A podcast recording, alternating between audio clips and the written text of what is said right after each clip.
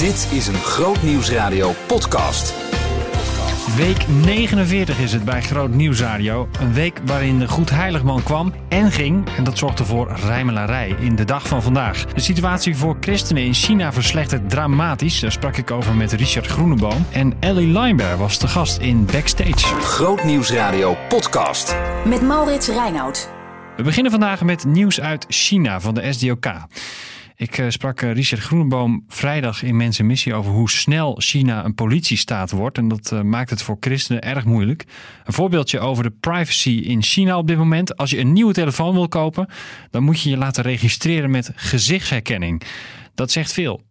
Richard Groeneboom. Er gebeurt heel veel en ontwikkelingen gaan ook snel. En wat je net zegt over die cameraherkenning, dat is natuurlijk echt een van de grote ontwikkelingen. Ook in kerken zie je dat. Dat je ook als je een kerk binnenkomt, dat je eigenlijk overal op camera wordt vastgelegd. Dus ze weten precies wie daar aanwezig is.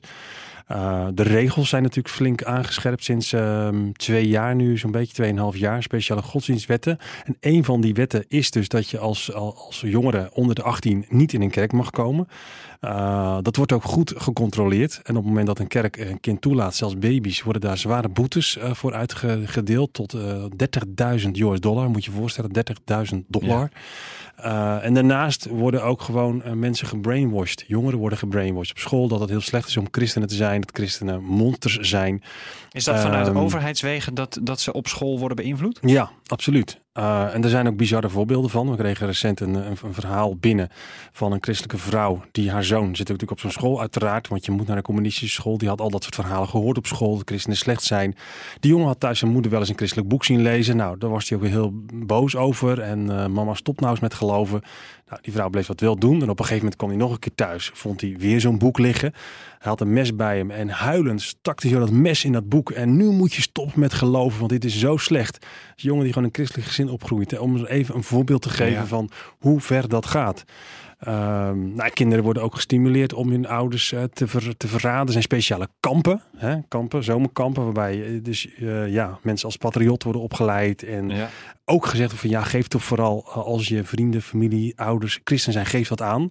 Dit, dit, klinkt een beetje als een soort van Hitlerjugend. Ja, een beetje wel. Het doet ook steeds meer denken aan Noord-Korea. Um, en um, ja, dat gaat soms ver, vrij ver. Er worden zelfs ook uh, beloningen uitgereikt. Als je gewoon een normale christen, om zo te zeggen, aangeeft, staat daar 900 uh, euro op. En volgens mij een christelijke leider is van 9000 euro. Dat zijn echt hele grote tarieven. Dus er ontstaat een echt een hele anti-christelijke sfeer. En dat ja. is iets wat echt wel, wel nieuw is in, uh, in China. Onder welke voorwaarden kan, kan die kerk dan nog wel kerk zijn? Ik bedoel, het, het wordt dus streng gecontroleerd, maar het mag dan nog wel? Maar... Ja, je zit dus officiële staatskerken natuurlijk. Hè, die worden dan min of meer toegestaan. Maar ook die worden aan banden gelegd. Die moeten dus ook zich aan die regels houden. Maar uh, wat je dus ziet, alles wordt gesignificeerd. Daar hebben we een woord voor bedacht. Significatie van de Bijbel. Dus die hele Bijbel wordt uh, zo veranderd. Dat gewoon ook daarin de verering van de van de grote leiders China in terugkomt. Uh, aan het begin van de dienst moeten er eerst nationalistische liederen worden gezongen. Portretten van, uh, van Xi Jinping moeten aan de muur hangen. De tien geboden mogen niet meer in de ingang hangen van de kerk. Dus dat gaat echt heel ver. Dus ja, wat doen ze? Je ziet veel meer dat kerken toch kleinschalig bij elkaar komen. Ja. veel meer gaan splitsen. Uh, ik sprak daar pas een christelijk leider over in China. Die zei, nou, er zit een negatieve kant aan natuurlijk, omdat we gewoon, uh, nou ja, uit elkaar moeten als gemeente. Maar er zit een positieve kant aan, dat het evangelie zich verder verspreidt, omdat we meer in huizen ja. gemeenten samenkomen. Maar er zijn daardoor ook weer meer christelijke leiders nodig. Want als je uit elkaar gaat, dan heb je ook weer een voorganger nodig. Die moet worden opgeleid. Ja. En daar is ook op dit moment best wel een gebrek aan. En nou ja, dat is, dat is een van de dingen die we ook proberen, ook als SDOK, om voorgangers uh, daarin te trainen. Met name ja. ook hoe ze om moeten gaan met, uh, met vervolging. En wat zegt de Bijbel daarover? Uh, want de situatie gaat nu zo hard dat dat gewoon wel heel pittig is, ook voor ja, de christelijke leiders daar. Ik heb een keer een filmpje gezien over hoe Mao Zedong dit aanpakte. Christenvervolging in China. En wat hij dus inderdaad deed is de, de gevestigde kerk kapot maken. Wat ervoor zorgde dat er dus heel veel huiskerken ontstonden. En uh, dat wordt wel eens uh, nou, betiteld als de grootste fout die hij eigenlijk heeft gema gemaakt in die christenvervolging. Omdat juist daardoor die kerk nou ja, weg was van de controle van de overheid en ook ging groeien. Um, M- Maakt Xi Jinping nou een beetje zo'nzelfde fout tussen aanhalingstekens? Ja, zo zou je het kunnen zeggen. Een van onze partners, eh, Bob Fu, die zelf ook jarenlang in de gevangenis heeft gezeten eh, in China, die heeft dat zelf een keer tegen me gezegd van, nou ja, eh, Xi Jinping denkt dat hij daarmee Gods Koninkrijk bestrijdt, maar hij wordt ook als instrument, hoe gek het ook klinkt, in Gods Koninkrijk gebruikt. Omdat vaak juist op dat soort momenten de kerk groeit. En dat is vaak zo dat God dat soort dingen weer op een hele wonderlijke manier gebruikt, hoe moeilijk het ook is. Mhm. Maar daar heb je wel, wel een punt mee. Eh, wat het huidige beleid is van, van de Chinese overheid, is eigenlijk de, de gevestigde kerk gewoon kapot maken. Hè? Wat in feite Mao ook al deed. Ja. Dus het wordt ook heel vaak vergeleken met de tijd van Mao, wat er nu op dit moment gebeurt.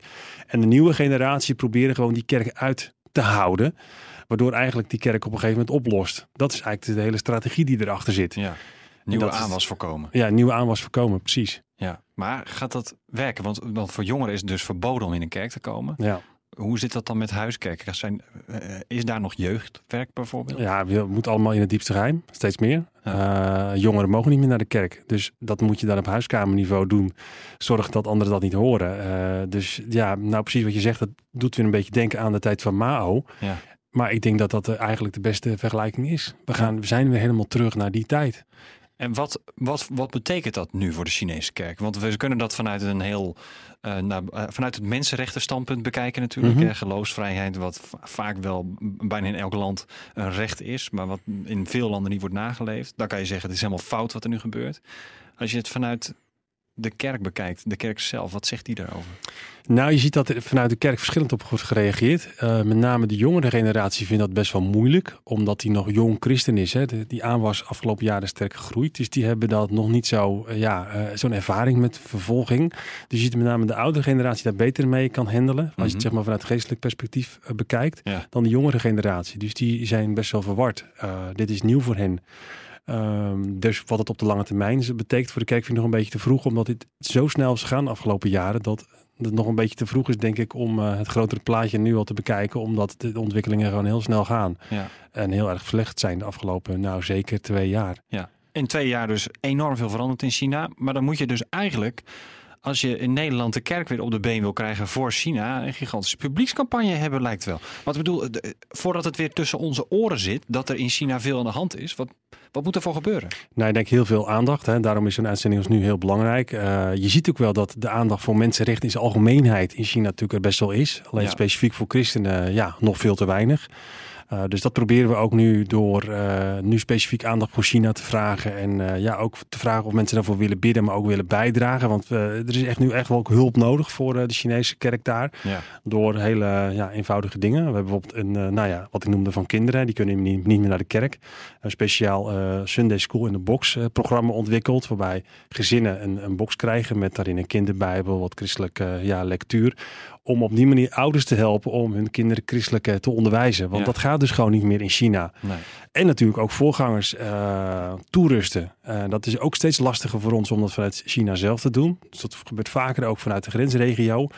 Kern, kernleiders, om zo te zeggen, sleutelleiders die dan die, ehm, die training krijgen. En dat dan ook weer doorgeven aan andere voorgangers. Precies, zodat het op die manier zich ook verspreidt.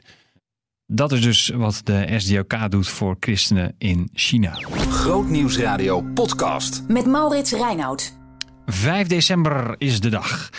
Maria schoof aan om de onderwerpen van die dag te bespreken in de dag van vandaag. En dat ging allemaal in rijm. En het begon al bij de afkondiging van de muziek. Leland. Ja, het klinkt alsof je om het te halen hard hebt gerend, maar ik vind het fijn dat je er bent. En wat is het fijn hier weer te zijn. Want ter ere van onze lieve Sinterklaas is vandaag dit aanschuifrelaas helemaal in rijm. Dat is inmiddels geen geheim. Jij wil vast weten wat is er vandaag gebeurd.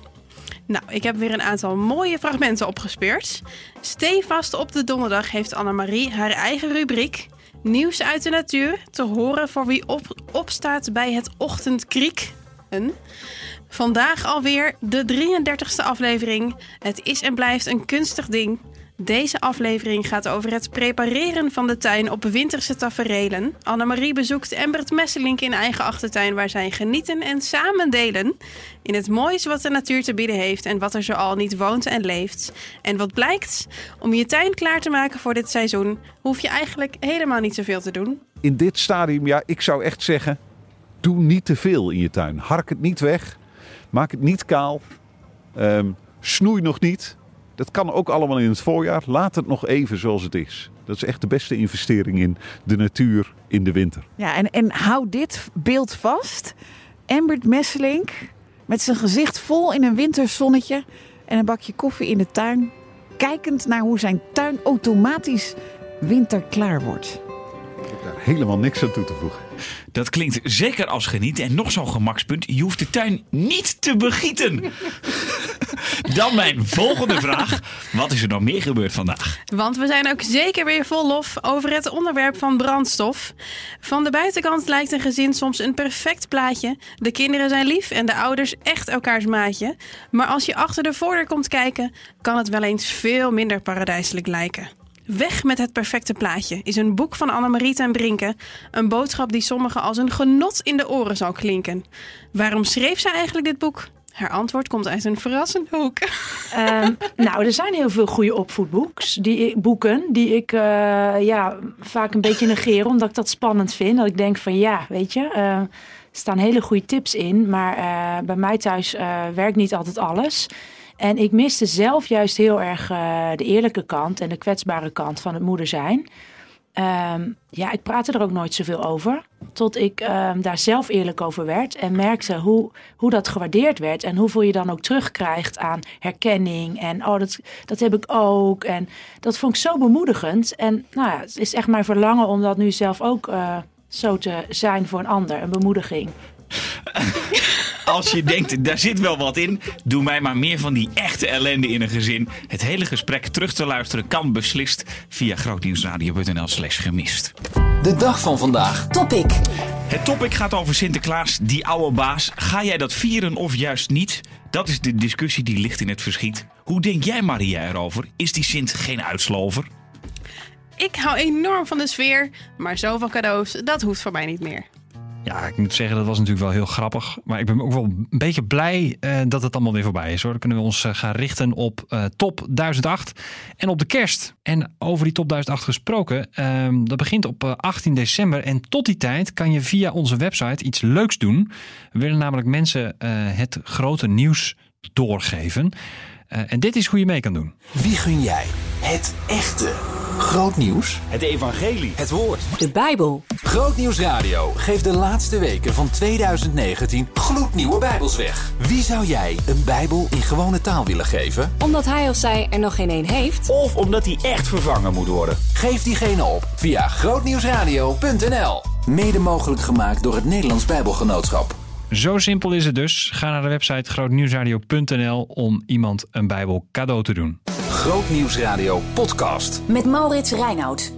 Ellie Linebear was in Nederland en dus toog ze naar Veenendaal om aan te schuiven in backstage bij Hans van Vuren afgelopen dinsdag. Hans had eh, tegen een luisteraar gezegd: Ik ga kijken hoe lang we het niet over haar vader kunnen hebben. Nou, dat bleek niet zo heel lang te zijn. Luister maar. Ja, ik heb er al eh, een keer of 16 aangekondigd. Maar ze zijn hier, eh, Ellie Limebeer. En let's go there. It's Ellie, right? yes, it is. Yeah. Ellie. Ellie. From now on, we're going to say Ellie. Ellie without an I. Hey, it's very good to have you here. Oh, thank you for having me. This is How- great. How often were you in uh, Holland? Do you know what? I think this might be my fourth time here this year. Mhm. I just love This it. year? I think so. Yeah, just can't get enough. Yeah, why not? The street waffles is, you know. Oh, is it your your your uh, Brexit? oh you're, God. you're, you're just you just get out of England as as long as no. But why were you here? We uh, we know you you were at the Elevation Worship Yes. concert. Yes. That was back in June. Yeah, I think. What were the other occasions? The other occasions I had uh what did why were we, why were we here? Oh, um I was supporting my dad for a show here. Is Mhm. that correct? Yeah. Yeah, I'm looking to my husband. Yes, great. Okay. yeah, I, I tr- tried to to avoid your dad in the conversation as long as possible, but since you brought him up, Oh. um, Mar- Mar- Martin Smith, Smith, former former singer of Delirious, he's your dad, and He, he, I and can confirm that is true. That is totally true, and you have a different back name because of your husband. Yes, I, I went from Smith to Lime Bear, Yeah. so quite the jump. Yeah, but it sounds good. yeah, I'll take it. Yeah, your husband nods and he he he, he agrees. Do you do that often? Uh, joining family on on Um, music trips? this, uh, so I used to work with Dad for a couple of years. Um, I was his backing vocalist, so that was super fun. But this year, I've maybe done a couple of shows with Dad, Hmm. and it's just so funny because it's like, like I'll do my set and then he'll do his set. It's just I'm like, what are we doing? This is so crazy. Like father and daughter, like doing music and together. And we've just released a new song Hmm. um, called "Lord You Have My Heart," which is like 30 years old, but we've just done a whole new version. It's like, who gets to do this? This is so cool. Were you already there when he did it for the first time? Lord for Lord You Have My Heart. Yeah. Um, he you- was 19 when he wrote it. Okay. So I was- so I was- you, you were not. I were not. No, he was before he was married. So that that was 30 years ago. That means, uh, when we're talking already about your dad, that a lot of people here in Holland have more memory about this whole era when Yeah. Delirious was big th- than you probably have on that. Probably, yeah. How how strange is that? it's quite strange. I love it though because everyone has their story Mhm. and has a connection, and um, and I, I do love hearing the stories. And like, oh, I remember when they you know, when you played Majesty, and I remember that was the first time that I, you know, it's just everyone's got their connection, and it's Mhm. really beautiful. Yeah. So- What- what's the best story you heard so far from Holland? From Holland, Yeah, or maybe uh, Oh, elsewhere. gosh. Oh, I'm not sure. Th- Not sure this trip, but there, it's just there's so many. There's so Mm. many. So it's kind of cool just hearing how much that There's going to be a Dutch person that's coming up to you in a couple of days, probably saying, I was in Amsterdam with a full arena and everybody was waving with white flags during White Ribbon Day. Wow. Yeah, it was 99? 2000. Wow. So I was, was- three years old. Okay, that's what then happened, and that's what everybody memorizes when they think of what your dad did. But we're not here to talk about your dad. Saul's dad. Yeah, so uh, yeah, we, we we we put him in the Even. closet. Uh, why are you here today? Why am I here? Oh, hello. I don't, know why I'm here. No, I do know. I've got music out and I am super excited about it. I've just released an EP in June, Mhm. six new songs, um, but lots more songs to come out are coming out actually next year for an album. And then I'm coming here for a tour actually, which is super exciting in February. So In I'm back that- here. That's that's soon. It's so soon. So there's no reason for you to go back. No, and- I, I might as well camp out. Yeah. Yeah, just Get a stay sleeping here. bag. Yeah, What- totally. what's there to be known about the tour? Um, it is. I think it's a three day tour, and um, I'm super excited about it. Actually, I've um, I've done quite a few support slots this year Mhm. on different tours, but I'm excited to be in the Netherlands and support um, support him. And I just I'm super excited about it actually. So yeah, I'm excited to hopefully sing new songs too from the album Mhm. and get that going. Ellie Lineberg hoorde je met haar heerlijke Britse accent. Ze vertelde nog meer, eh, zoals dat ze een hart heeft voor Europa. En dat ze daarom zo graag door Europa toert. Komende week op Grootnieuws Radio. Maandag in de Nieuwe Morgen spreken we Marijn Vlasblom over kerk zijn anno 2019. Of anno 2020 is misschien nog beter om het daarover te hebben, want het is natuurlijk al aanstaande. Hoe doe je dat nou? Nou, daar dus meer over in de Nieuwe Morgen maandagochtend. Leuk dat je luistert naar deze podcast. Ehm, ik zou zeggen, abonneer je even en vertel eens iemand anders over deze podcast. Lijkt me heel leuk. Eh, deel hem even op social media bijvoorbeeld. Zou ook eh, goed zijn. En abonneer je, hè, want dan krijg je dus elke vrijdag automatisch deze aflevering eh, in, je, in je telefoon of net waar je luistert. Ideaal, zou ik zeggen. Zeg eh, bedankt en tot volgende week. Oh, trouwens, wat ik nog vergat te noemen. Ehm, de Vriendenweek van Groot Nieuws Radio was zeer succesvol. En ik heb niet helemaal ehm, eh, een terugblik kunnen doen, omdat het nog doorliep op zaterdag. En eh, ja, ik had die podcast vorige week niet op zaterdag gemaakt. Maar het is zeer succesvol geweest. We hebben meer dan 600 nieuwe vrienden hebben aangemeld. En we hebben ook onder andere 16 Business Club leden erbij. Dat zijn bedrijven die Groot Nieuws Radio steunen. Dus daar zijn we erg dankbaar voor. Misschien hoor jij er wel bij. Hoor je er nog niet bij, maar overweeg je het wel. Ga dan naar grootnieuwsradio.nl slash vriend. Doeg! Behoefte aan meer? Grootnieuwsradio.nl slash podcast.